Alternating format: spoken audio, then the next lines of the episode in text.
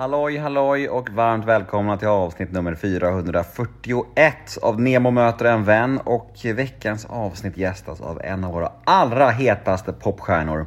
Hon slog igenom med dunder och brak med monsterhitten Lose My Mind och har sedan dess spelats konstant på radio och hörts och setts i princip överallt. Och nu är hon i min podd för att berätta sin story och det här blev underhållande, det här blev intressant, det blev spännande och det blev också ganska gripande.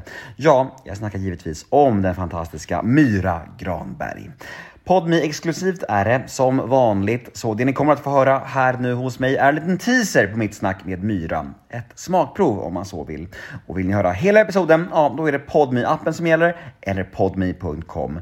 Och allt hos Podmi är ju helt reklamfritt. Det vet ni vid det här laget, men Vet ni vad det allra finaste är? Jo, ni kan testa Podme helt gratis i 14 dagar för att se om det är någonting för er. Och då är det ingen bindningstid, ingen uppsägningstid, inget sånt trams. Bara 14 gratisdagar hos Podme för att helt enkelt känna på det. För att, eh, ja, se om ni vill köra vidare med det sen helt enkelt. Så, ja, vad väntar ni på egentligen?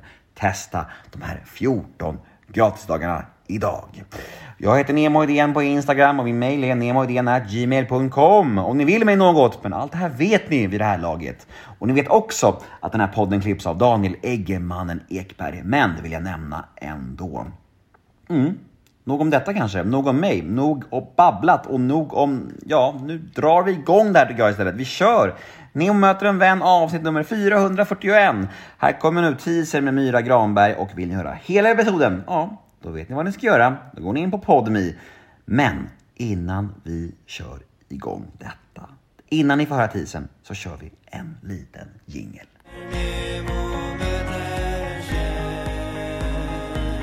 Min familj är absolut inte någon så här musikerfamilj.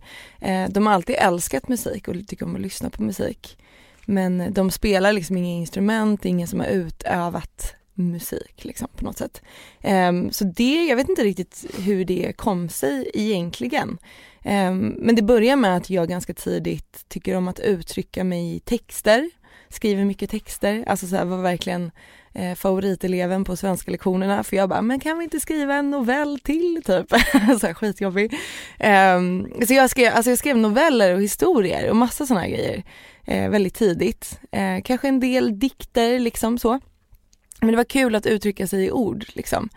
Um, och sen någonstans på vägen så sjunger jag lite på musiklektionerna och liksom lite sådär, inser att jag kanske har en naturlig grej för det typ. Uh, mycket mer än vad jag hade typ en grej för att spela fotboll typ. Jag är ganska dålig på fotboll. Um, men ja, får, en, får någon en gitarr typ när jag är 13 börja plinka på den typ. Eh, hittar sen några kompisar som har ett band inne i Kalmar Eh, så att jag liksom är med i mitt eh, första så här, punkband.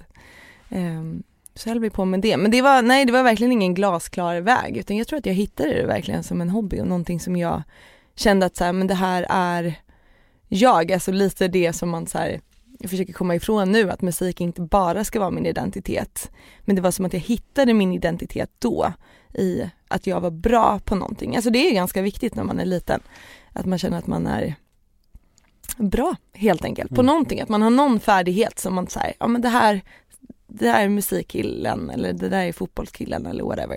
Eh, då blev jag väl musiktjejen. Mm. Eh, även om det inte var så mycket kultur i Nybro, eh, vad jag kan minnas så. Vi hade en väldigt ambitiös musiklärare i, i högstadiet.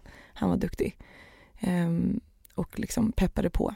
Men ja, så var det lite så här om och men, alltså så här, för grejen var också i gymnasiet, jag, det var verkligen inte så såklart för mig att jag skulle hålla på med musik så att jag visste att jag inte ville bo kvar i Nybro längre för att det här liksom varit lite stökigt och jag trivdes inte så bra typ.